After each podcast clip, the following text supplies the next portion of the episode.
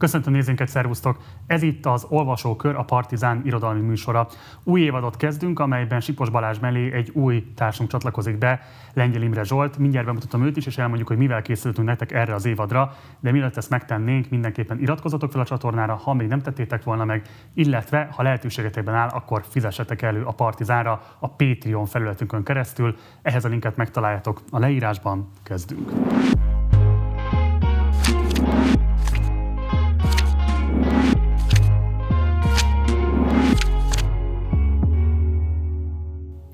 És akkor nagy szeretettel köszöntöm a stúdióban Sipos Balást. Szervusz, üdv újra a fedélzeten. Hello, sziasztok. És Lengyel Imre Zsoltot, irodalomtörténet, szervusz, üdv a stúdióban. Szia, sziasztok. Azt fogom kérni, mutatkozz be ide a nézőknek, de egy picit előre vetíteném azt, hogy alapvetően azért ülsz itt, mert hogy a mostani évadunknak a tematikája az gyakorlatilag a te oktatói tevékenységedből következik. Igazából azt emeljük át, hogy azzal kezdünk valamit, amit te az eltén tanítasz. Úgyhogy kérlek, hogy kicsit meséld el azt, hogy a tematika hogyan állt össze, mert igazából ebben az évadban, a következő adásokban a te vezetéseddel megyünk majd végig nagyjából 120-130 évnyi magyar irodalom történeti szövegeken.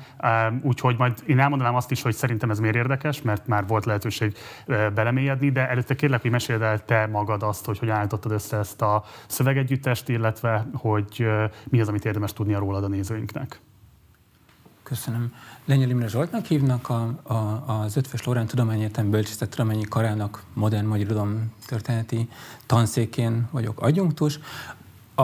a, a tematika mm, koncepciója nagyjából úgy állt össze, hogy arra a kérdésre voltam kíváncsi, hogy mik azok a gondolkodás módok, amik akár máig elhatóan meghatározzák a, azt, ahogyan a kultúráról gondolkozunk, azt, ahogyan az irodalomról gondolkozunk, a, mik azok a, a, a nyelvek, amiket mozgásba hozunk, vagy működésbe hozunk, amikor akár nem is gondoljuk végig, de mégis meg kell nyilvánulnunk valahogyan arról, hogy hogyan miképpen értékelünk egy irodalmi művet, vagy egy kulturális alkotást. Tehát ugye itt ezek, ez egy borzasztó hosszú folyamat, a, a, amióta kultúráról, művészetről gondolkoznak a, a, az emberek, és hogy ez lenni szokott, ugye ez ilyen hordalékot képez a, a kultúrában, tehát nyilván egyre nehezebb áttekinteni, hogy azok a, azok a nyelvek, azok a berögződések, amiket ma magát értetőnek gondolunk, pontosan honnan is jönnek, és mi volt az eredeti kontextusok, és milyen változásokon mentek keresztül, hogyan változott a, a, a funkciójuk, hogyan viszonyul a, a, a kiinduló ponthoz az, ahogy ma bánunk vele, és ugye nagyon érdekes, hogy, hogy a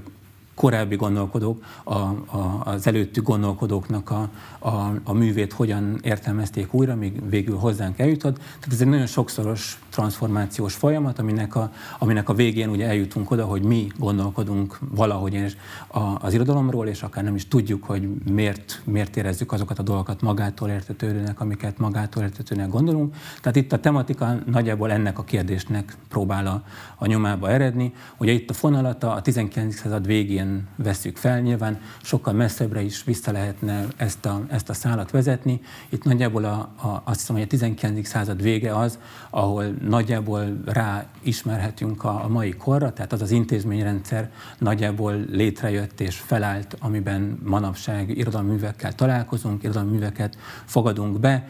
mm, ugye a, a, a piacnak a, a, a működésmódja nagyjából kialakult olyanra, hogy ma, ma találkozunk vele, de hogy ez a korszak, ahol még élnek viszonylag aktívan a korábbi időszaknak a, a berögződése is, és ugye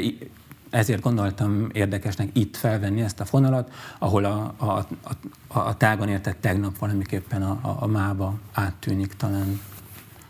Balázs, kérlek, hogy vezess fel, hogy pontosan mire számíthatnak majd a nézőink, hogyha velünk tartanak ebben a folyamatban. Én két szempontot vetnék csak föl, ami számomra nagyon fontos abban, hogy így indítjuk el ezt az évadot. Egyrészt nagyon régóta terveztük azt, hogy valamilyen az adott műveken túlmutató, valami nagyobb fajta tematika is összefűzze ezeket az egyes adásokat, és most igazából van egy lehetőségünk arra, hogy ha végigmegyünk majd ezeken a szövegeken, akkor láthatunk valamit abból a 120-131 termésből, amit a Zsolt összeállított a tematikák, tematikaként. És másrészt pedig pont, amit a, a Zsolt fölvet, felvetett, ez szerintem egy különösen izgalmas felvetés, hogy nézzük meg azt, hogy azok az irodalmi közhelyünk és megszokásaink, amik alapján egyébként olvasunk, illetve amik alapján olvastatnak bennünket általános iskolai, középiskolai vagy később felnőttkori időszakainkban, hogy annak igazából mi az eredete és mi a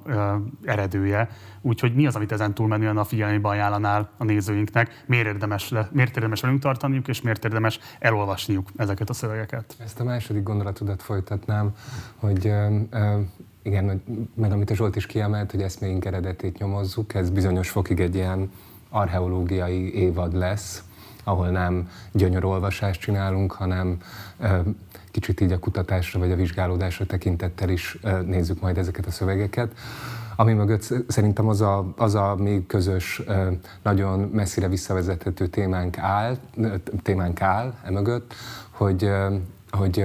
tapasztaljuk, hogy a kultúrával és az irodalommal kapcsolatban abban a világban, azon a Magyarországon, ahol élünk, mindenféle kérdések és heves viták lobognak és vetődnek föl, és mi meg már rég, régóta beszélgetünk arról, hogy hogyan tudnánk ezeket mi magunk is tematizálni, anélkül, hogy beleszállnánk ezekbe a most a kortárs irodalmi téren vagy kultúrában folyó vitákba és elsősorban nekem legalábbis az, az, az, állt a, az, a, az a legfőbb motivációm ennek a történeti kutatásnak a lefolytatásában, hogy ezeket a vitákat ne a, ezeket a kortárs vitákat, a kultúrát és az irodalmat illető kortárs vitákat ne közvetlen, maguk közvetlenségében próbáljuk támadni, és esetleg szembeállítani velük akár jobboldali, akár baloldali kultúrfelfogásokkal szembeállítani valami harmadikat, amit mi, mi ketten vagy hárman itt kiötlenénk, hanem inkább azt csinálni, hogy az irodalommal kapcsolatos előítéleteket és elvárásokat visszavezessük amennyire csak tudjuk erre az, el, az elmúlt 100-120 évben felmerült irodalom és kultúra koncepciókra. Én itt azt mondanám most azoknak a nézőknek, akik esetleg egy picit még óckodnak attól, hogy bizalmat szavazzanak ennek a tematikának, hogy nagyon érdemes elolvasni ezt az első hat szöveget, amit a Zsolt kiválasztott, mert eh, sokkal egyértelműbben megmagyarázza saját magát, hogy miért érdemes ezeket a szövegeket olvasni. Ugye most két szerzőről beszélünk, és összesen 34 évnyi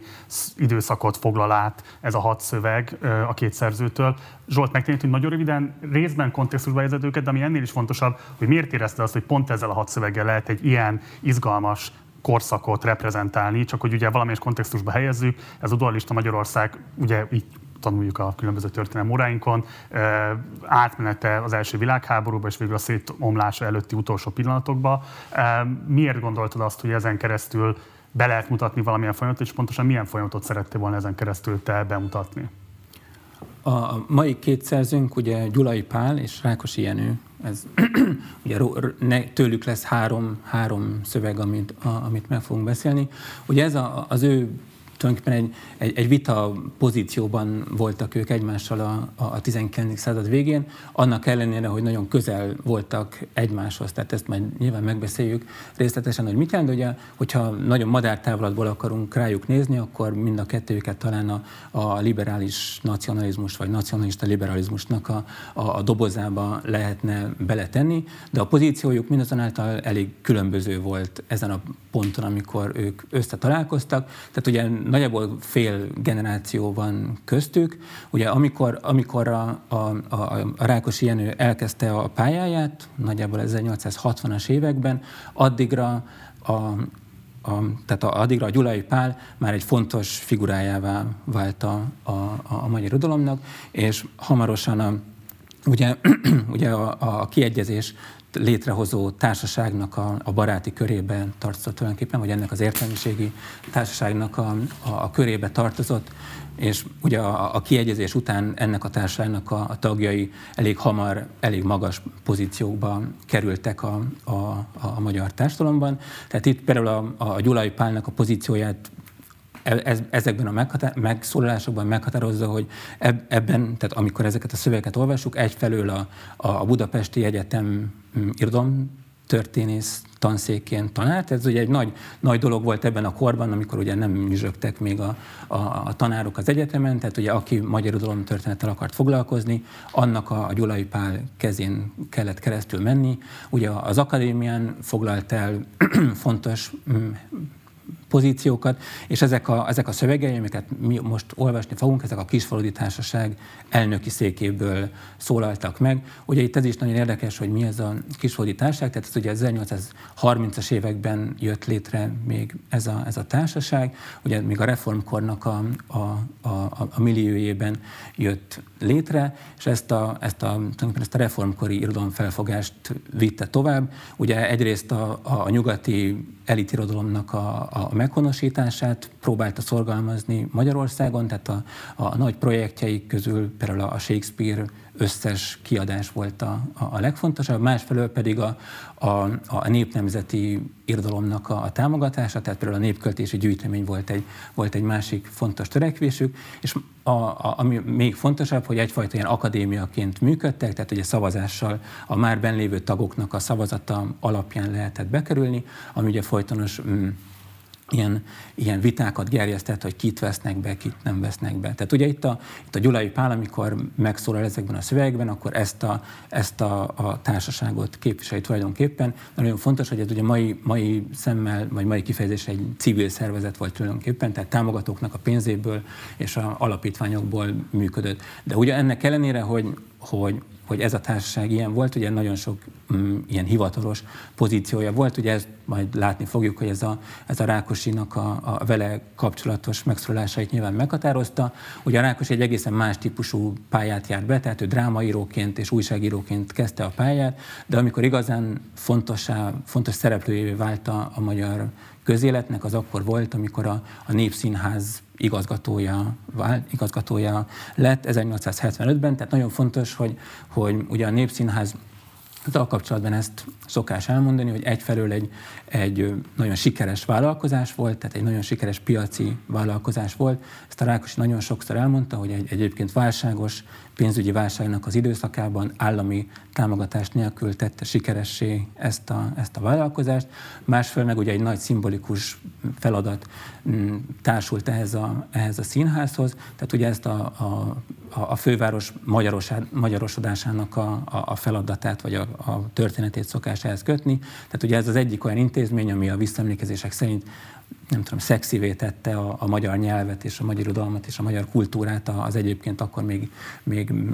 jobbára német Pesten, és utána, amikor ezt a, a népszínházat ott hagyta, akkor utána újságíróként az újságírói munkájára fókuszált, onnantól a Budapesti Hírlap kiadója és vezércikk írója volt, és a későbbi évtizedekben, tehát amikor ezek a, a szövegek is megszülettek, akkor ebből a, ebből a pozíciójából beszélt. Tehát ez egy újabb mm, piaci vállalkozás, ami a piacról vált nagyon sikeresé, tehát ez nyilván az ő beszéd pozícióját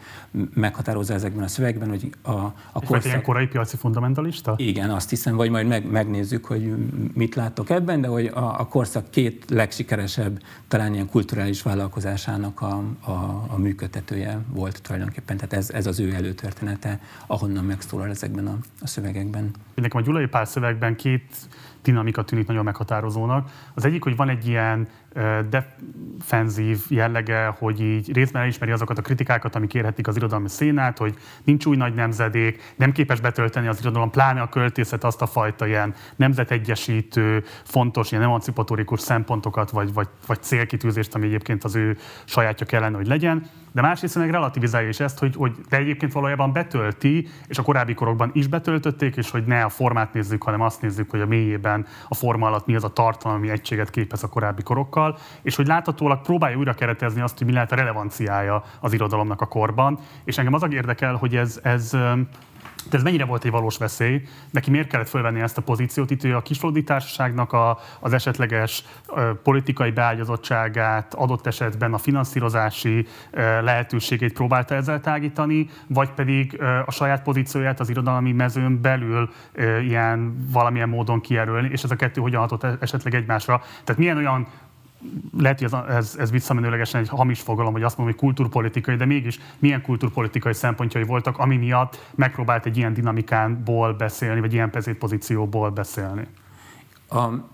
ha a defenzívának a, az okát keresünk, akkor szerintem még termékenyebben lehet megközelíteni a dolgot, hogyha ezt az egész 19. századi az ipari forradalmaknak a, történetét rakjuk mögé ennek a, a dolognak, a természettudományoknak a, a, a felfutásának a, a, a történetét. Ugye, a, ugye a legelső szövegben, amit, amit olvastunk, ugye, ugye tulajdonképpen erre reagál a Gyulai, hogy ezt, ezt mondogatják manapság már, tehát ezt beszélik a, az utcán, hogy ma már ebben, a, ebben a, a mai korunkban az irodalom elvesztette a, a fontosságát, a relevanciáját. Tehát nem az irodalomnak kell megoldani a, a, a, a problémákat, hanem adja át a, a, a stafétát a, a, a kézzelfogható tudományoknak, a, a technikának, az innovációnak, a, a, a természettudományoknak. Tehát ugye az egész pozitivista áramlat, ami, amit itt, itt nyilván ugye, tehát ugye mögött nyilván ez a, ez a tapasztalat van. Ugye itt a, a kiegyezés után egy, egy elképesztő ipari fejlődés és a, a kapitalizálódásnak a, a, az addig soha nem látott felgyorsulása történik meg Magyarországon, tehát ilyen, a, nyilván aminek eddig csak a csírái voltak meg, az ekkor végre mm, mm, kilombosodik az országban, elképesztő mennyiségű külföldi tőke áramlik be. Tehát ugye szerintem ez a, ez a háttere, ami, ami megmagyarázza, hogy, a, hogy az alapvető beszédpozíciót, hogy, hogy ezzel kell szembenéznie, hogy az emberek azt gondolják, hogy, hogy elmúlt, tehát hogy rendben van, hogy a, hogy a nemzetet létre kellett hozni, és ahhoz a, a nyelvre volt szükség, meg az irodalomra volt szükség, de hogy egy új korszak kezdődik, amiben valami másra van szükség. És de ez egy képzelt veszély, vagy ez egy ténylegesen jelentkező veszély, és ha jelentkezett ez a veszély, akkor ez hol jelentkezett? Tehát hol voltak meg azok a fórumok, amik például ezzel a kritikával illették az irodalmi közületet Magyarországon? Nekem a, a, a, ehhez, ehhez kapcsolódóan a, az okoz gondot, azt okoz gondot el helyre raknom, hogyha egyrészt létezett ez a veszély, hogy lehetséges, hogy mindeközben zajlott Pest magyarosodása, és elkezdett kialakulni egy színházon és folyóiratokon alapuló magyar nyelvű kultúra itt. Tehát olyan, mintha pontosan arra lenne a Gyulai szövege vak, ami ott ezzel párhuzamosan a Rákosit fölemeli. Ezt hogy látod? Igen, itt ugye, igen, ez a, tehát hogyha a két szöveget, vagy a két életművet egymás mellé rakjuk, akkor ezt nagyon jól látszik, hogy, hogy egyszerűen a, az irodalom fogalom más, vagy hol, máshol húzzák meg a, a határát. Tehát ugye, a, ugye az, a, a Rákos nagyon mm, vehemensen képviseli, hogy, hogy itt az irodalom egy, egy, egy piacról élő, tehát tulajdonképpen szórakoztató iparnak egy ága, az irodalom ugyanúgy, mint a, a, a színház, és ugye ahhoz mindenféle termékre szükség van, a, a jóra és a rosszra egyaránt, mert mindenféle ízlést képesnek kell lennie a, a, az irodalomnak kiszolgálni. Ugye a gyulai irodalom fogalmaz ennél sokkal, sokkal szűkebb, mert ő valahogy abból indul ki, hogy az irodalom az, ami valahogyan felemeli a, a, az embereket, vagy valamiféle, hogy a felülről húzza magához a, a, a népet. Tehát, hogy tehát azt, amit a, a Rákosi irodalomnak képes látni, vagy kultúrának képes látni, azt a Gyulai kevésbé képes kultúrának látni, és ez ugye visszafelé is, visszafelé is érvényes, azt hiszem, tehát hogy azt, amit a Gyulai szeretne kultúraként terjeszteni, arra, arra ugye azt mondják adott esetben a, az emberek, hogy ezzel nem akarnak foglalkozni, mert sokkal érdekesebb, mm, szórakoztatóbb dolgokkal tudnak tudnak szóra vagy foglalkozni. Tehát ugye itt, a, ugye itt az a kérdés, hogy hogyan foglalkozunk a, a, a művészettel, tehát hogy fogyasztóként lépünk-e fel a, ezekkel a kulturális termékekkel szemben. Tehát ugye, ugye azok akkor, vagy az a, tehát ez a, a színház ugye annyiban tudott belépni, vagy sikeres lenni, hogy, hogy elfogadta ezeket a, a, az elvárásokat, amik a közönség részéről érkeztek. És hogy nyilván a sajtó is erre kényszerül, hogy, és ezt minden további nélkül föl is vállalja a Rákosi, hogy igen, ki kell, ki kell bizonyos igényeket szolgálni, de nagyon tömören összefoglalva, összefoglalva lehet azt mondani, hogy a Gyulai azt tekinteni egy jól működő eleven irodalomnak, amely 20 évente kitermel egy Arany Jánost, tehát minden generáció ilyen héroszokat, gigászokat termel, és ahogyan ő maga is megfogalmazza, hát világos, hogy most itt nem a 60-as, 70-es években nem, nem egy olyan, nem olyan héroszok között járunk, mint a 30-as, 40-es években jártunk. Arra térnék én még egyszer vissza, mert ez, ez számomra a legérdekesebb a kettőjük közös előfeltevésében, hogy hogy, mind, hogy az irodalom azért végeredményben mind a kettőjük számára a nyelvről szól, a nyelvnek a vagy műveléséről, vagy működtetéséről szól, és persze a legutolsó Rákosi szöveg az már olyan, talán mai szemmel olvasva, olyan vészterhesen nacionalista húrokat penget azzal, hogy a, hogy a magyar nyelv az miként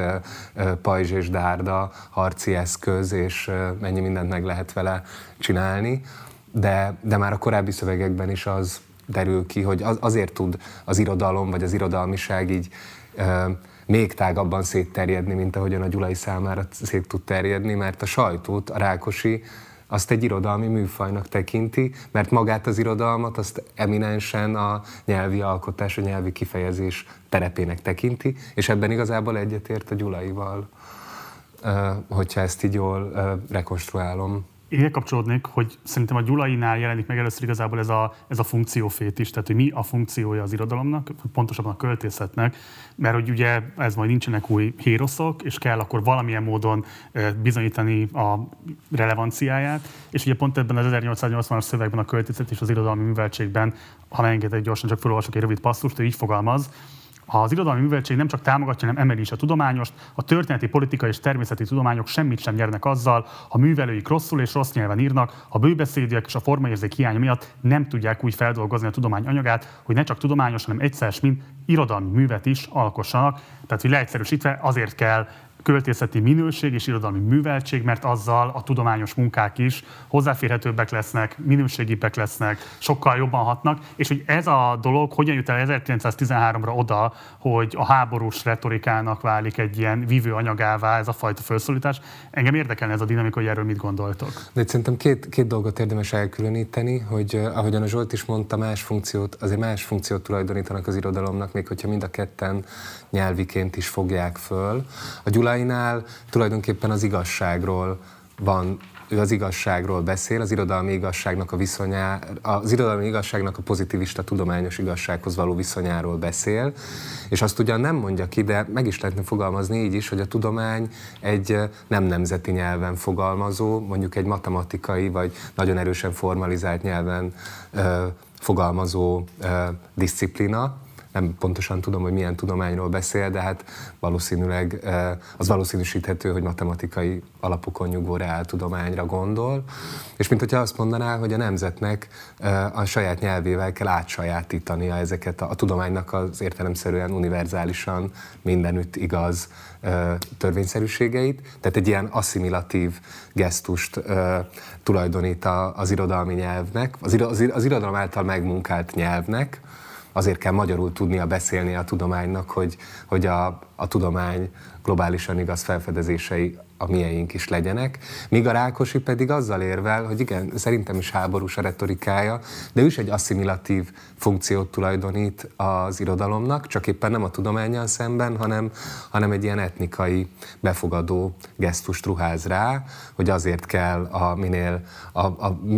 a, annak a magyar nyelvnek, amelyhez mindenféle ódákat zeng, mint a legszebb és legbefogadóbb és, leg, és mégis a legönállóbb, ugye annak ellenére, hogy ebbe költözik bele a legtöbb uh, idegen nyelv, mégis ez marad a legönállóbb és legszuverénebb, hogy, hogy ez, ez meg egy ilyen, nem nagyon tudom máshogy mondani, egy ilyen szociopolitikai asszimilációt készítene elő. Ami ugye nagyon különbözik a Gyuraitól, ahol a tudomány a másik, a másik pont. Egyrészt ugye ez, amikor a,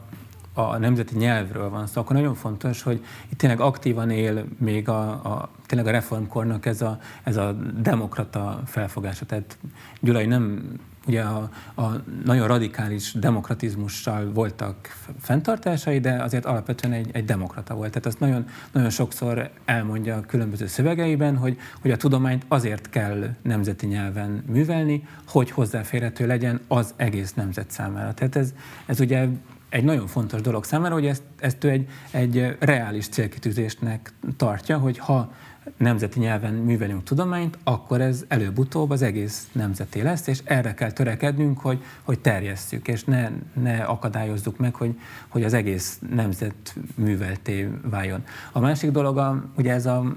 tehát hogy itt ugye egy érdekes dialektika működik a, a, a, az európai, a, vagy ugye ők nyilván a, leginkább az európai kontextus tekintették világ kontextusnak, de ugye ez a romantikus nemzet felfogásban, tehát hogy ez volt, tehát ők ezt valahogy így képzelték el, hogy, hogy azért kell nemzetekre tagolni Európát, hogy, hogy létrejöjjön egy olyan típusú munkamegosztás, ami, ami sokkal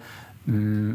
jobb eredményeket fog tudni elérni, mint hogyha egy massza lenne a, a, az egész világ. Tehát, hogy, hogy differenciálni kell, tehát, hogy egy olyan zenekart kell létrehozni, amiben nem mindenki ugyanazt az egy, egy szólamot énekli, és akkor sokkal érdekesebb és, és bonyolultabb és jobb összhang tud létrejönni. Tehát ugye itt ez volt, tehát ez az egész 19. századi nacionalizmusnak az egyik, az egyik fő üzemanyaga ez volt, hogy, hogy nagyon szomorú lenne, hogyha a magyar nemzet eltűnne a világról, mert ez az egész világnak a, a, a szegényedése lenne, tehát a, a, a, a komplexitása csökkenne. Tehát valamit, ami, amit a, a, a teremtés rendjében a, a magyarságra volt bízva, hogy, hogy hozzáadja a, az összvilág termeléshez, akkor ez kiesne, és ez, ez, egy, ez egy veszteség lenne a,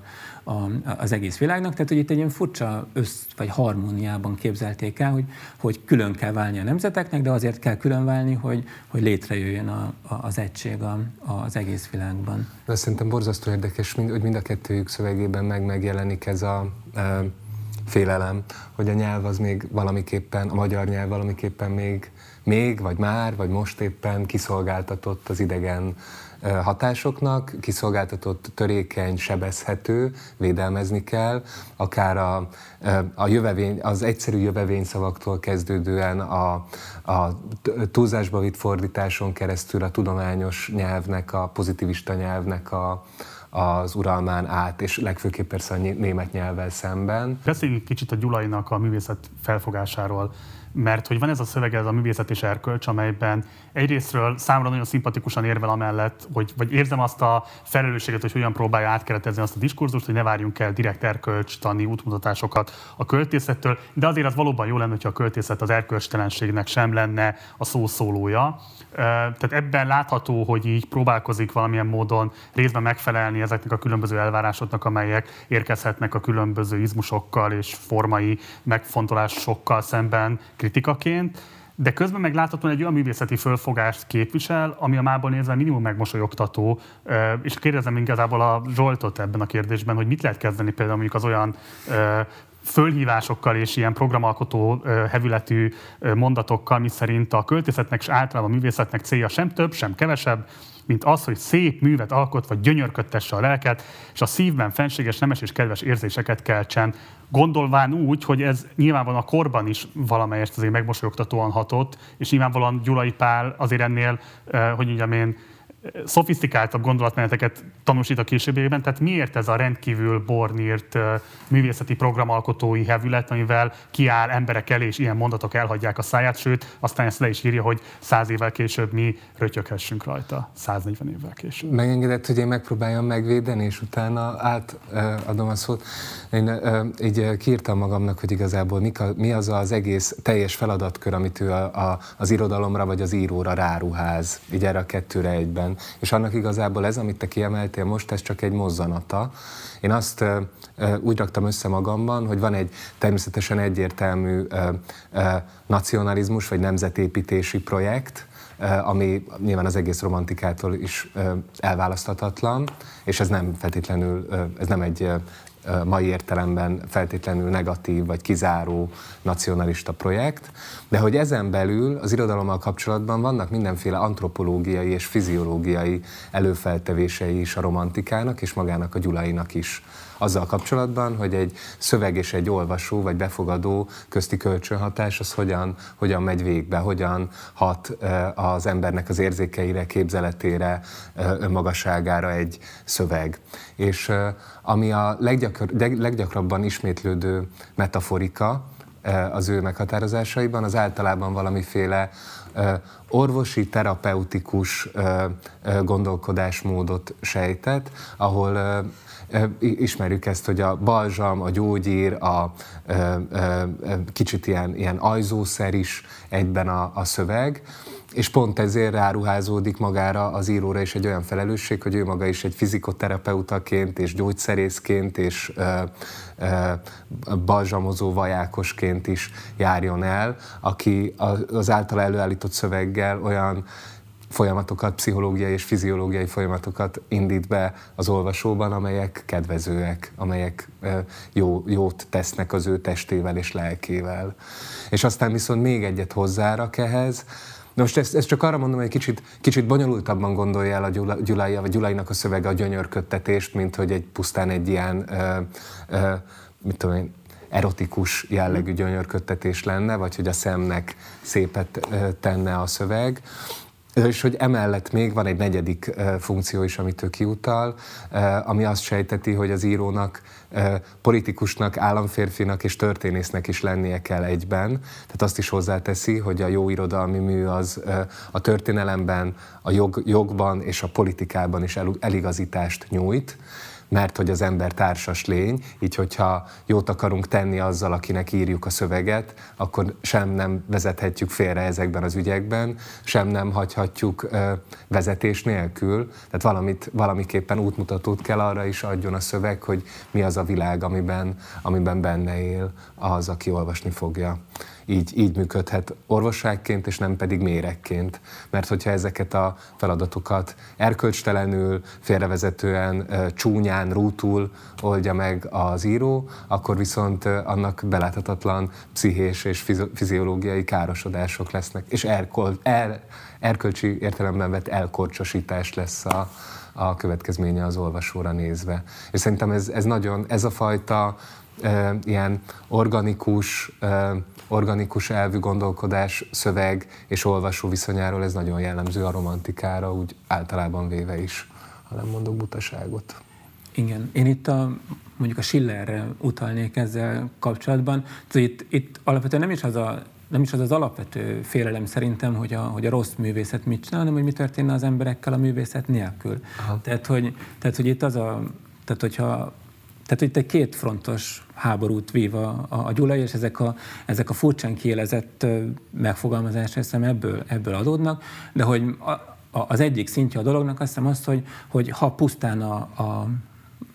nevezzük kicsit annak, csak a piac formálna az ember, tehát hogy bekerülne ebbe a, a, a munkamegosztásba, csak azzal a dologgal foglalkozna, amihez a, a munkájában értenie kell, akkor ugye szét, szétválik a, a személyisége, és akkor ilyen ugye szakbarbárá válik, akkor erőszakossá válik, mert érvényesülnie kell, mindenféle ilyen rossz dolog történik vele ebben, a, ebben a, a, az élethalál harcban, ahol, ahol küzdenie kell. Tehát ezt ugye, ugye ezt a, a Schiller óta ez, ezt a megoldást szokás erre javasolni, hogy valahogy a, a művészettel kell puhítani a, a, az embereket, mert azzal ugye az egész, a, az egész emberséget valamiképpen vissza, vissza lehet szerezni. Tehát, hogy itt ugye ez... Meg. Meg, meg lehet szerezni, igen, a, a részemberből egy, egy egész emberért. Tehát ez, ennek egy hatalmas történetem utána Lukácsig meg tovább elmenően. Tehát ez, a, ez az egyik szerintem, hogy itt amikor erről beszél, hogy a, hogy a művészetnek a, a, a csodatevő ereje, akkor, akkor valami ilyesmire gondol. Tehát ugye ez, ez az egyik funkciója, hogy, hogy nem, nem, hagyja, nem hagyja eldurvulni a, a, a, az embereket. Ugye a másik, a, ebben a szövegben a, ugye ezeken a moralisták ellen küzd, akik, akik tulajdonképpen ugyanennek egy, egy leágazása, de azt mondják, hogy, hogy legyen világos, hogy, hogy hogyan szolgálja az elkölcsöt, tehát tanítsa a, az embereket. Tehát, hogy ez a, ez a megfogalmazás, ami, amit idéztél, ez, ezt próbálja egy kicsit itt kiélezni, hogy, hogy, hogy ne várjunk el. Tehát itt ugye az autonómiának a védelme van, azt hiszem ebben kicsit mai szemmel megmosolyogtatóan, de hogy, de hogy egy, egy vonalat próbál húzni, hogy, hogy itt hogy mi, mi az a terület, ami, ami magáé a, a művészeté, és, és amiből a, az egyéb dolgokat le, le kell tisztítani. Tehát itt ugye ez a, ugye ez a retorikája a szövegnek, hogy először letisztítja a, a művészetet, erre a, a, az esztétikára, és utána megmutatja, hogy, hogy miután letisztítottuk és erre redukáltuk, utána mégis vissza, vissza lehet kapcsolni ebbe a, ebbe a gépezetbe, hogy valahogy mégis szolgálja a, a, a társadalmat pont ezekkel a, a, a dolgokkal, amiket a, az előbb elmondtam, meg amiket megpróbáltam elmondani. Tehát, hogy, tehát, hogy itt, itt szerintem ez egy, ez egy elhatároló mozzanat, tehát azért van ennyire a, mai szemmel talán tényleg a nevetségességig kiélezve, hogy ne, ne kérjenek olyat a művészettől, ami, ami nem a művészetnek a feladata is. És ez ugye nyilván megint egy, egy egy régebb, régebbi időkre visszamenő, hogy, hogy ez a, a, a, az esztétikai mozzanat, ami, ami a művészet, és nyilván ez a, ez a későbbiekben is, is meghatározó marad. Hadd provokáljalak, mert hogy egyrészt igen, tehát elég élesen érvel amellett, hogy nem az erkölcs vívő anyaga. De közben még mégis vannak olyan megfogalmazásai, és akkor hoznék még egy példát erre, amikor például azt írja, hogy az a nagy súly, amelyet néhány, némely költő a fizikai, fizikai élet rúdságaira helyez, mindinkább háttérbe szorítja a szellemi, az erkölcsi embert, a költészet tulajdonképpeni tárgyát. És most nyilván nagyon olcsó analógiákkal is lehetne élni a jelenkorunkra nézve, és kicsit muszáj is vagyok élni ezekkel az analógiákkal, hogy kijelezzem a kérdésemet, mert én nem gondolom, hogy azt, hogy ez mondjuk egy ilyen Szakács Árpádi vagy Demeter Szilárdi megfogalmazással egyenértékű, ez annál szerintem egy sokkal finomabb védelmet biztosító megfogalmazás, de közben mégiscsak rá tudunk ismerni azokra a mostani apologetikus mm. megfogalmazásokra, amelyek azt mondják, hogy valóban nem jó dolog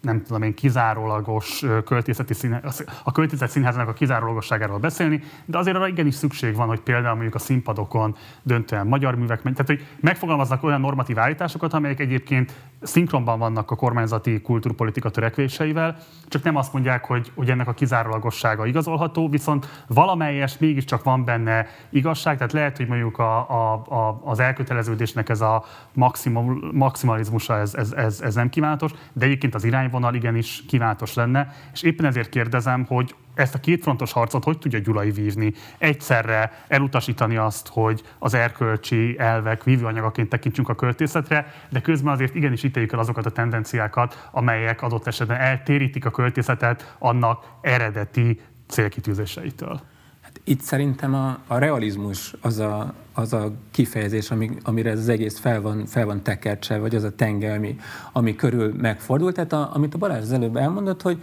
ugye itt tulajdonképpen ezt a feladatot szánja, hogy a, hogy a valóságról közvetítsen egy, egy, egy képet. Tehát hogy azt mondja, hogy egy, egy ilyen áttekintő képet adjon. Tehát ugye, ez a, ugye az eszményítést, amikor mondja, akkor ami ilyesmire gondol, hogy, hogy válogassuk ki a, a, a lényegest a, a világból, és egy ilyen kicsinyítő tükörben mutassuk meg, hogy mi is ez a, mi is ez a világ, amiben, amiben mi élünk. Még ehhez a kérdéshez, hogy miben más a Gyulainak az álláspontja, mint a nevesített ö, ö, személyeknek a ö, mai álláspontja, azoknak a személyeknek az álláspontja, akik a, az erkölcsös és eszményített ö, ö, művészetet pártolják, hogy abban már eleve más, a, a, amit a Zsolt az imént autonómiának nevezett, az autonóm művészetnek az eszméjének nevezett, tehát azt hiszem, hogy, hogy itt a, az összes a romantika horizontján érvelő figurának, akár liberális, konzervatív, akár sima nacionalista, az egy, az egy olyan közös előfeltevése, hogy, a, hogy, a, hogy, az, hogy az esztétikai szférának a lehető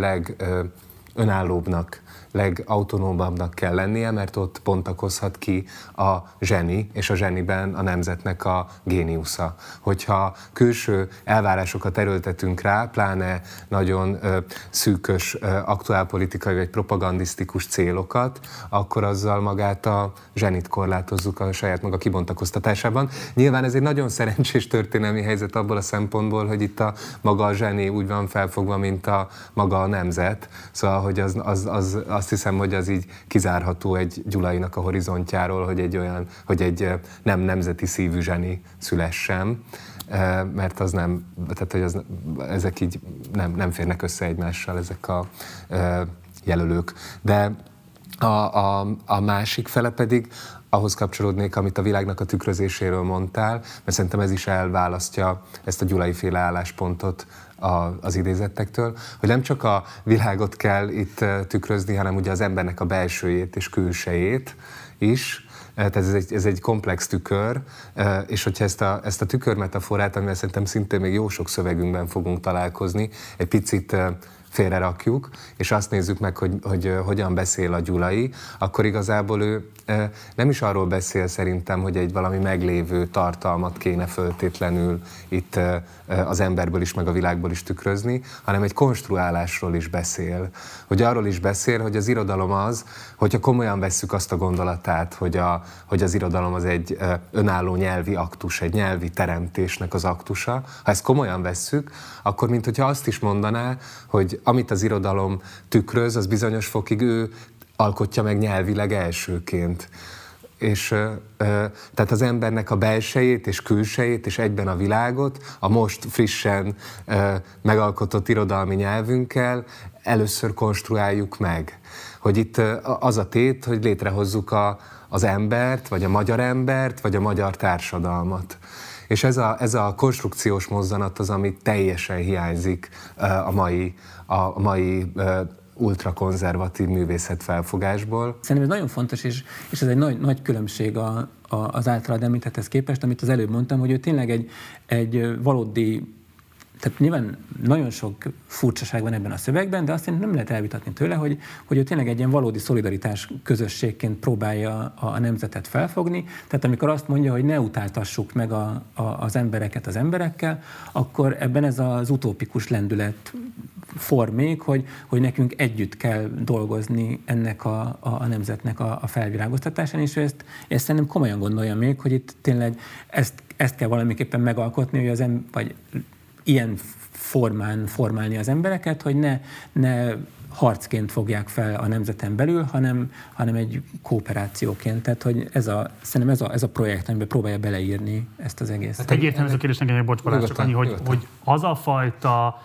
úgy detektálom, hogy egyfajta kétségbeesettség, hogy az irodalom relevanciáját bizonyítsa és, és bemutassa, az, ha nem lenne rajta ez a nyomás, szerinted eredményezne ilyen mondatokat tőle?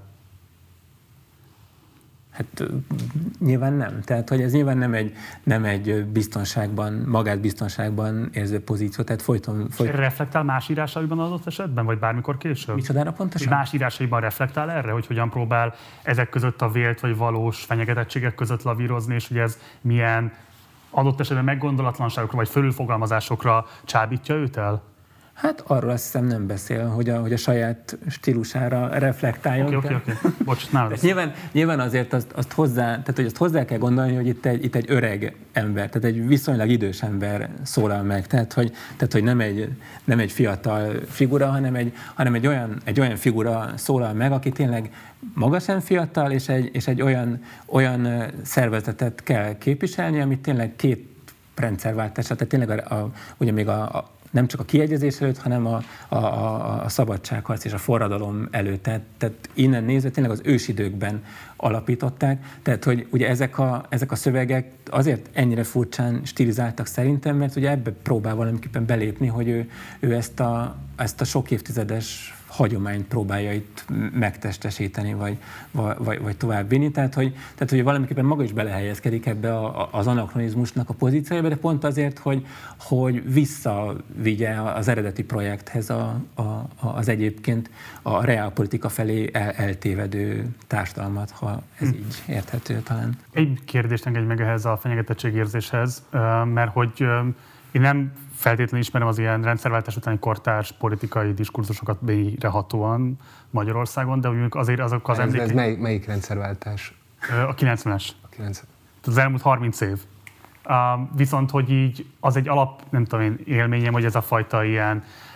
állandó fenyegetettség érzete a különböző irodalmi szereplőknek, ez állandóan része a különböző, nem tudom, vitáknak és különböző megnyilvánulásoknak, és hogy ha jól hallom, amit mondasz, hogy igazából az az állításod, hogy ez itt jelenik meg először, itt szörömlik be először a magyar irodalmi diskurzusba, hogy elveszteni látszik a jelentőségük, mert jön egy olyan az iparosodás, a modernizmus, amely fölörli azokat a bástyákat, amelyen keresztül eddig tudtuk magunkat, a magunk pozícióját biztosítani és magát értetődővé tenni a társadalomban? Hát ez az első alkalom, amikor van mit félteni tulajdonképpen. Tehát eddig ugye mindig ilyen kísérletek voltak a magyar irodalom létrehozására egyáltalán. Tehát az első alkalom, amikor, amikor van egy kiépült intézményrendszer, vagy jó a, a második alkalom, tehát volt egy, volt egy nagyon rövid időszak a, a, a forradalom előtt, de hát az, az nyilván elveszett, tehát az azt újra kellett alapítani. Tehát ilyen értelemben a, a, az első alkalom, de hát nyilván nem véletlen az első, mert addig nem volt mit félteni, hanem... Hát addig panasz, panaszolni, panaszolni lehetett, hogy nincs. Akkor térjünk rá Rákosinak a, a szövegeire, és arról is beszélünk egy picit, főként erről a már emlegetett hírlapírói, vagy újságírói, vagy, vagy, vagy, vagy újságfordulatról, hogyha lehet így fogalmazni egyáltalán. Tehát itt van egy olyan helyzet, hogy az ő megfogalmazásában a hírlapirodalom az hihetetlen módon akcelerálja az irodalmi diskurzusban azokat a különböző dinamikákat, amelyek addig megvoltak. Elképesztő gyorsasággal emelkednek föl szerzők, válnak új divatok dominánssá, és ő ezt erőteljesen összeköti egyfajta ilyen kapitalizmus apológiával, amelyben elkezd arról írni, hogy itt rengetegféle áramlat és rengetegféle új dinamika áramlik be az országba, és hogy ez mennyire jó. Egy konkrét szöveget hadd hozzak most erre vonatkozóan. Úgy fogalmaz egy 93, 893-ban fogalmazott szövegében, ma piaca vásárja forgalma, kurzusa van nagyban és kicsimben mindennek, a művészetnek és a tudománynak is, némely földrészen még a vallásalapításnak is. A régi mecénás, a tekintély, a tudós intézmények vagy testületek szerepét átvette az, amit nagy közönségnek szoktunk nevezni. A hírlap irodalom óriási kifejlődése döntötte le a régi isteneket, a régi világrendet. Um, hogyan viszonyul ehhez a föllépéséhez, Rákosnak ehhez a föllépéséhez Gyulai? közvetlen reakció nincs. Tehát ugye ez a, ez a, ez a, ez a reakció. Tehát a Rákosi reagál a, a, a Gyulainak egy, egy szövegére ebben a, nem csak ebben, hanem a, a másik szövegében főleg. Tehát itt ugye a, a Gyulai a, a, a kezdeményező fél tulajdonképpen, tehát ő mondja el, hogy hogy, hogy, hogy lehanyatlott, a, mennyire veszélyes, inkább ezt mondja, hogy, hogy itt a, a hírlapirodalom ki, kifejlődésével vagy kivirágzásával egyre lejjebb száll a, a, a színvonal, és ugye azt mondja, hogy itt valahogy ezt, ezt valahogy kontrollálni kellene, tehát hogy valakinek közbe kellene avatkoznia, hogy, hogy ezt, a, ezt az egyre gyorsuló, gyorsuló spirált valahogy megállítsa, mert ha ez csak a piacra van bízva, akkor, akkor romlásba Igen. fogja dönteni a, a, a magyar udalmat. Tehát, hogy valójában a Rákosi reagál erre ezzel a, ezzel a szöveggel, hogy nehogy már valaki itt kontrollálni akarja ezeket a dolgokat, mert ezzel csak katasztrófát tudna előidézni, ugye visszavinni a, a, a múltba a, a, magyar irodalmat ezzel, hogy vissza, visszavezetni oda, onnan végre, végre már kiemelkedtünk. Tehát, hogy itt, itt ugye ez a, azt hiszem, hogy ez a a, a dinamikája ennek a, ennek a vitának, hogy a, a Gyulai folyamatosan kárhoztatja a, a, a hírlapirodalmat, ez több, több ilyen, ilyen megszólalása van a kisfordításság elnöki székéből, és ezt a, a Rákosi hol, hol közvetlenebbül, hol közvetettebb módon, de, de, de megpróbálja rá, rábizonyítani a Gyulaira, hogy, hogy ez itt a, a múltból, vagy a, a sírból, vagy meghalni nem képes múltnak a, a, az ilyen csontváz zörgése tulajdonképpen, amit itt, itt hallani kell, és nem, nem szabad komolyan venni, hanem, hanem el kell fogadni, hogy ez a realitás, és, és nem, nem nyafogni kell, hanem, hanem alkalmazkodni ezekhez a, a viszonyokhoz. Még egy dolgot engedj mert szerintem nagyon ügyes a retorikája Rákosnak, ugye, mert egyrésztről beszél arról, hogy a régi intézmények tekintélyek alapvetően alkalmatlanok arra, hogy az új tehetségnek igazából segítsék az érvényesülését, és viszont van a piac, nem így fogalmaz, a nagy közönségről beszél, de amely igényként igenis alkalmas arra, hogy eldöntse azt, hogy mi az, ami minőségi, és ilyen szempontból érvényesült, és mi az, ami nem alkalmas rá. Tehát, hogy ez egy olyan új szűrője a társadalomnak, ami most épül ki, és fantasztikus új teljesítményeket fog majd eredményezni. Ennek milyen fogadtatás volt, hogyha Gyulai nem is tudta, vagy nem is vállalt vele különösebb frontokat? Volt-e más, aki ezt adott esetben problematizálta? Mennyire volt ez általánosan osztott nézet? Milyen sikere volt ezzel? Hát Ugye a, a saját közegében azt hiszem, hogy sikere volt, és, és ez volt a, a legfontosabb közeg a, a korszakban, tehát a, a, a hírlapokban ezt ennek, ennek abszolút, mindenki így gondolta. Ezt mindenki így gondolta. Tehát Meglepő. Azt a, ugye azt a, ezt, a, ezt a példát szoktam ezzel kapcsolatban mondani, hogy ugye ugye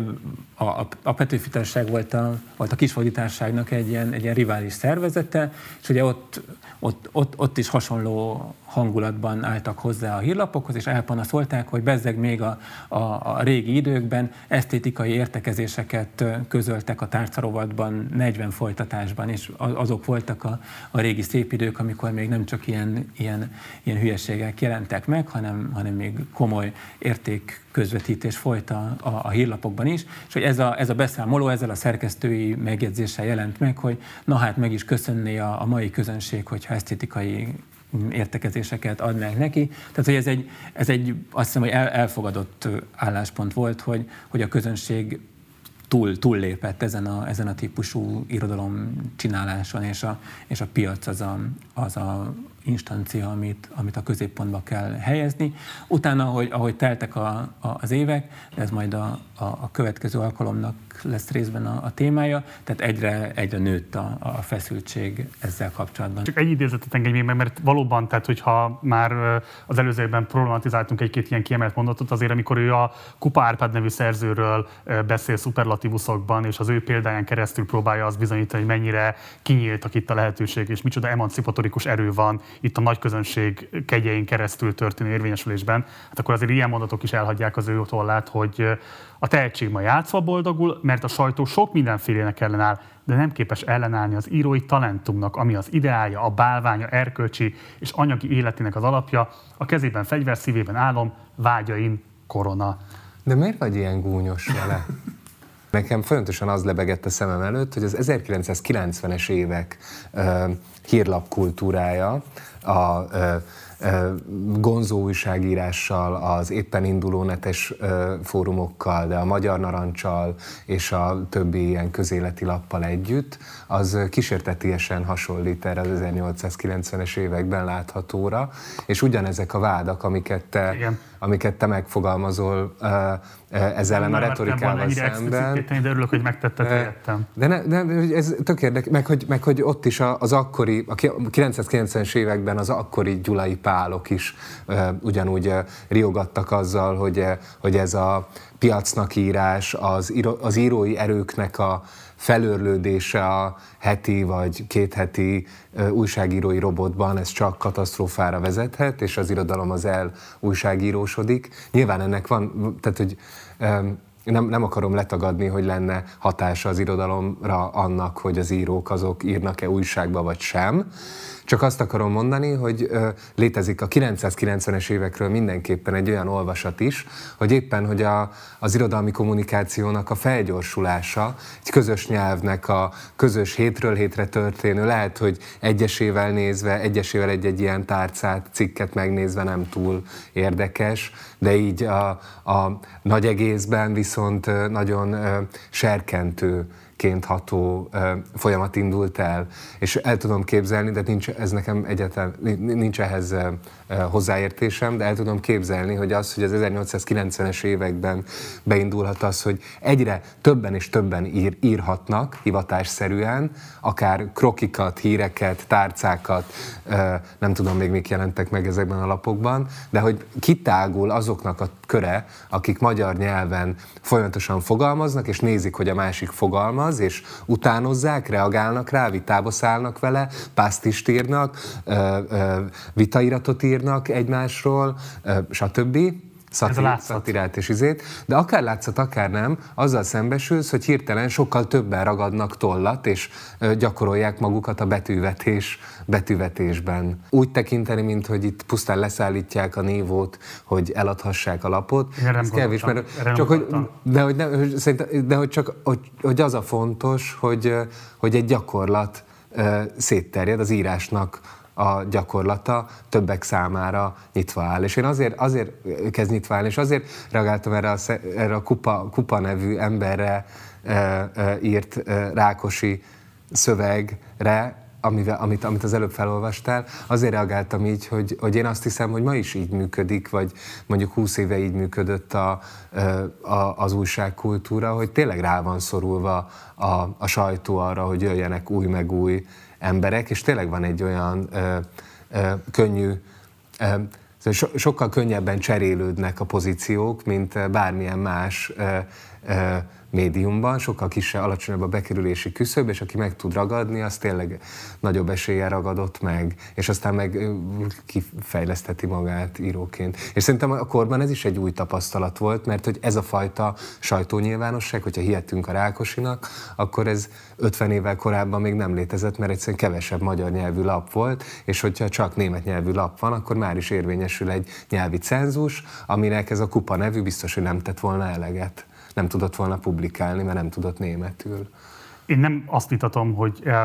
ez a hírlapirodalmi fordulat ne demokratizálta volna a korszaknak a viszonyát. Én ezt most nem is tudom, nincs egész hozzá ismeretem, hogy erről bármit állítsak. Én csak azt mondom, hogy amikor ő arról ír, hogy az irodalmi nyilvánosságnak lenne a szekértolója a hírlapirodalom, akkor nekem azért az föltűnt, hogy nyilvánvalóan nem azonosok az érdekei a, a hírlapirodalmi színának és annak a magas irodalmi szénának, amiről az előbbiekben beszéltünk. Tehát amikor például ilyesmit ír ugyanebben a szövegben a Kupa Árpád kapcsán Rákosi hogy ha a komoly irodalom érdeke az, hogy a jeles tehetség hírhez és munkáják kellendőséghez jusson, akkor soha csak megközelítőleg is olyan becses szolgálatokat a sajtó nem tett az irodalomnak, mint manapság. Ez így szerintem ebben a formában feltehetően nem igaz, de érdekelő Zsolt mit gondol erről.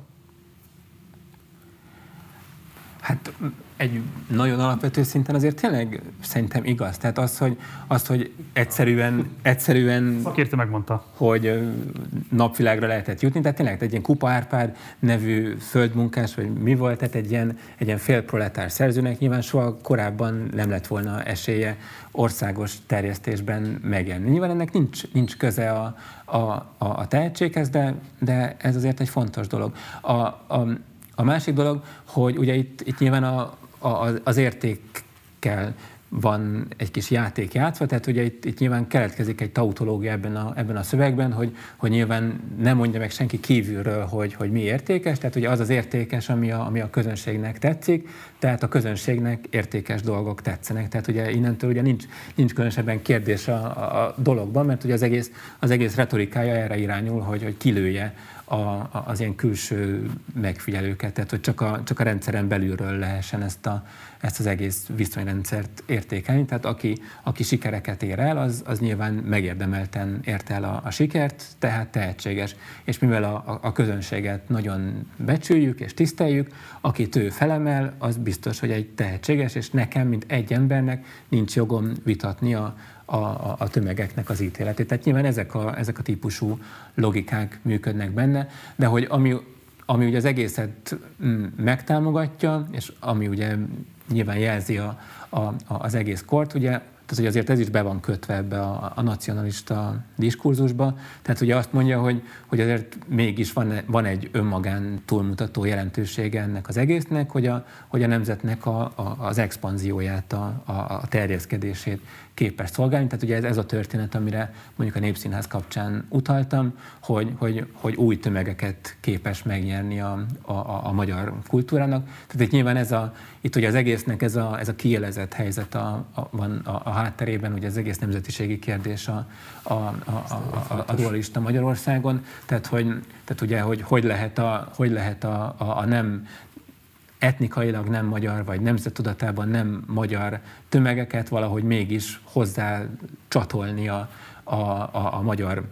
a, a magyar ügyhöz, vagy a, a magyar nemzethez egyáltalán, és ugye itt erre hozza ezt a nagyon, nagyon pragmatikus dolgot, hogy, hogy ez ezekben a, a, a mulatókban dől el tulajdonképpen, tehát hogyha ott, a, ott ezeken a legalsóbb szinteken az emberek magyarul mulatnak, akkor előbb-utóbb az élet más szinterein is meg, megmagyarosodnak. Tehát, tehát ezért, nem, ezért nem kell itten nagyon sokat variálni ezzel, hogy, hogy minőségi kritériumokat támasztunk, hanem igenis terjesszük a, a, a, a magyar terméket minél, minél szélesebb körben. Mit lehet kezdeni azzal, ahol 13-ra konkludálódik, és akkor hadd idézek megint a szövegéből, a harmadik szövegéből, aminek a címe első nagyon ijesztően hat, az idegen elemek beáramlása ez a címe, és anélkül, hogy tudnánk bármit is róla, egy elsőre riasztóan hathat, de közben meglepő a, az érvelés rendszere, és ugye úgy hivatkozik a, a magyar nyelv és irodalom ilyen integráló, befogadó mi volt a mellett, hogy idézem, az irodalom hivatása nem az erőszak, nem a sértés, nem a megalázás, hanem az összegyűjtés, a fölemelés, a munkára hívás, a testvéri szeretet hirdetése, hogy aki hozzánk csatlakozik, aki felénk jön, aki magyarul ér és a magyar nyelvet kívánja szolgálni, az itt mi köztünk oltár talál, tárgyszívet és otthont, a világ bármely tájékáról, a népség bármely rétegéből jön is, ide jöjjön, mert itt áldoznak azért, aminek neki is szentnek kell lennie. Kell. Szentnek kell lennie. Nekem, nekem itt, eh, ahogyan beszéltünk arról, talán eh, én mondtam, talán te mondtad, Marci, hogy itt eh, fegyver, fegyverré válik a magyar nyelv az első világháború árnyékában. Most így pontosítanám, hogy inkább nekem az, az hangzik ki ebből, hogy, hogy egy veszélyérzet hangzik ki ebből, az, az hangzik ki, hogy mennek el a kisebbségek. Igen. Hogy, és hogy valahogy úgy kell őket megszólítani, hogy jöjjenek vissza. Nem is behívni kell őket, hanem hát, hogy az, abban a helyzetben vagyunk, hogy már nyilván aki nem vak, az látja, hogy hogy nagyon sok kisebbsége Magyarországon, azoknak vannak anyaországaik, és ezek az anyaországok, ezek elszólítják tőlünk ezeket a kisebbségeket. Az egész korszakban a, a, az alap mítosz volt, hogy, hogy, ugye hogy a magyarság rendelkezik egyedül államalkotó erővel. Ha csak a, a milleniumi ünnepségekre gondolunk, tehát hogy az egésznek ugye ez a, ennek a demonstrálása volt a, a feladata, hogy, hogy itt egy nemzet van, aminek e, e, e, ilyen, ilyen kiterjedésű, összefüggő történelme van, tehát ugye ezért nem véletlen, hogy ezért, ezért vagyunk mi a, a már bocsánat a, megfogalmazásért. Tehát, hogy ezért vannak a magyarok a, a Kárpát-medence uralására hivatottak. hivatottak. Tehát, a, tehát, ez, ez, tehát ebben ugye egyáltalán nem volt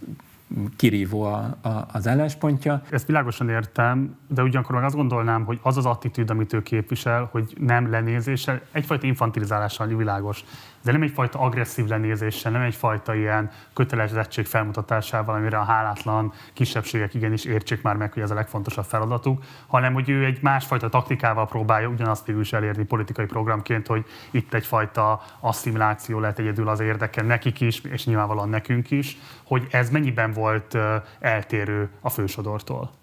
Hát nyilván annyiban eltérő volt a fősodortól, hogy, tehát, hogy ugye itt, ezt nagyon sokféleképpen lehet értékelni azt az embernek a, a jó, jó szendékának a, a függvényében, de hogy én azt gondolom, hogy több szövegét ismer, hogy itt tényleg egy nagyon mély ilyen, ilyen vágy, libidinális dolog működött a, a Rákosiban, tehát hogy, tehát, hogy ő, ő ugye egy, egy német családból származott, tehát a, az ő az ő közvetlen felmenői németek voltak még, és hogy ezt tényleg, tényleg a saját életében átélte ennek a, az extázisát, hogy ő csatlakozott a, a, a magyarokhoz. Tehát ez az ő életében egy, egy ilyen valódi élmény volt, és, és hogy, tehát, hogy ezt lehet nagyon cinikusan olvasni, de hogy ebben tényleg ez van, hogy ő ezt, a, ezt az élményt, tehát hogy ő, ő csatlakozott ehhez a nemzethez, és itt rengeteg siker érte, ezt, ezt ő akarta terjeszteni, ezt, a, ezt az érzést. Tehát, hogy itt, itt ennek lehet egy nagyon naív olvasatát is adni, és szerintem egyáltalán nem, nem indokolatlan azt, azt gondolni, hogy ő ezt, ő ezt komolyan gondolta, hogy itt, itt tényleg, tényleg egy olyan egy olyan nagy struktúrába lehet becsatlakozni, ami, ami felemeli a, a, az embert. Tehát, hogy ehhez a, ehhez a nagy, nagy valamihez csatlakozzatok, ne, ne olyan kis, kis dolgokhoz. Tehát, hogy ez a, ez a vágy struktúra szerintem a, az egészet meghatározza valahol tehát nem, is, nem, nem, nem volt feltétlenül taktika. És akkor nyilván, nyilván ennek nagyon sok rétege van. Tehát ugye, ugye ő szórakoztató ipari vállalkozó volt, tehát nyilván, nyilván ezt folyamatosan megerősítette benne pusztán a piaci pozíciója is, hogy neki piacot kellett szereznie, tehát minél többen beszélnek magyarul a Kárpát-medencében, annál nagyobb a potenciális piaca van. Tehát ez nyilván folyamatosan uh-huh. visszatáplálta ezt a dolgot. Tehát, hogy itt, itt nem hiszem, hogy feltétlenül egy ilyen szűken értett, nem tudom, imperializmusról kell beszélni, hanem, hanem ennek nagyon sok, sok ilyen, ilyen alulról jövő meghatározottsága van ebben az összefüggés rendszerben. Még, még ennyit talán érdemes hozzátenni, hogy nyilván ez nagyon rosszul veszi ki magát itt a, a világháború előtt, de hogy amikor ugyanezt a nyelvet folytatja a világháború után, tehát hogy egy egészen más összefüggés rendszerben, akkor ugye egy, egy ilyen rendszerellenes nyelv lesz ugyanebből, tehát hogy tehát a, a, a, a zsidó népesség kitaszítása ellen tud érvelni ugyanezzel a, uh-huh. ugyanezzel a nyelvvel, hogy nem a, nem a vér számít, hanem, hanem csak a nyelv, és aki hozzánk akar csatlakozni, azt hagyjuk, hogy, hogy csatlakozzanak hozzánk. Tehát, hogy itt nyilván van egy átfunkcionálása ennek, hát és, és tehát, hogy nagyon erre érdemes emlékezni, szerintem, hogy itt, itt még, tehát hogy ilyen szempontból ennek a paradigmának az innenső oldalán van, tehát hogy pont nem egy, egy kirekesztő játékot játszik minden, minden lenézésével együtt, hanem, hanem pont ezt a befogadó lendületet játsza talán tovább a, a szalonképesnél. És akkor zárásként foglaljuk össze a nézőink számára, hogy mikor jelentkezünk a következő alkalommal, és még pontosabban, hogy mivel készülünk a következő alkalommal. Egyébként itt is mondanám, hogy azokat a szövegeket, amelyekről beszéltünk, azt el tudjátok érni egy erre dedikáltan létrehozott honlapon keresztül. A honlapot pedig belinkeltük ide a leírásba, tehát ott megtaláljátok, és szabadon hozzáférhetővé tettük ezeket a szövegeket. Szóval mi lesz a következő alkalommal terítéken? Egy újabb vitát nézzünk meg, most már a 20. század elejéről, tehát a, a, az egyik vitapartner Bőti Zsolt lesz, aki, aki a Kisfaludi Társaság elnöki székében követte Gyulai Pált, a, a másik vitapartner Ignotus, aki a, a nyugat főszerkesztője volt, és ugye, a, ugye ennek a, tulajdonképpen ezeknek a kérdéseknek a, a továbbélését tudjuk megfigyelni, hogy hogyan, hogyan küzdködött a, a, az irodalom önelvűsége és ez a nacionalista nyelv a 20. század elején a, a világháború előtt. Köszönjük szépen, és mivel Balázs rendkívül határozott magabiztossággal vágta rá arra a kérdésre, hogy fogjuk-e tartani majd a menetrendet, vagy sem, hogy természetesen tartani fogjuk a menetrendet, ezért akkor itt azt is tudjuk mondani, hogy három hét múlva találkozunk legközelebb ilyen formában. Köszönöm szépen, itt voltatok velem, köszönöm szépen, itt voltatok velünk, és találkozunk hamarosan. Nektek pedig köszönjük szépen a figyelmet. Mindenképpen iratkozzatok fel a csatornára, ha még nem tettétek volna meg. Ha van bármilyen kérdésetek vagy észrevételetek az elhangzottakkal kapcsolatban, akkor várunk a komment szekcióban. Ha pedig lehetőségetekben, akkor kérlek, hogy fizessetek elő a Partizára a Patreon felületünkön keresztül. Ehhez a linket megtaláljátok szintén a leírásban. Munkatársai nevében köszönöm szépen a figyelmeteket, hamarosan találkozunk, addig is, ciao. You.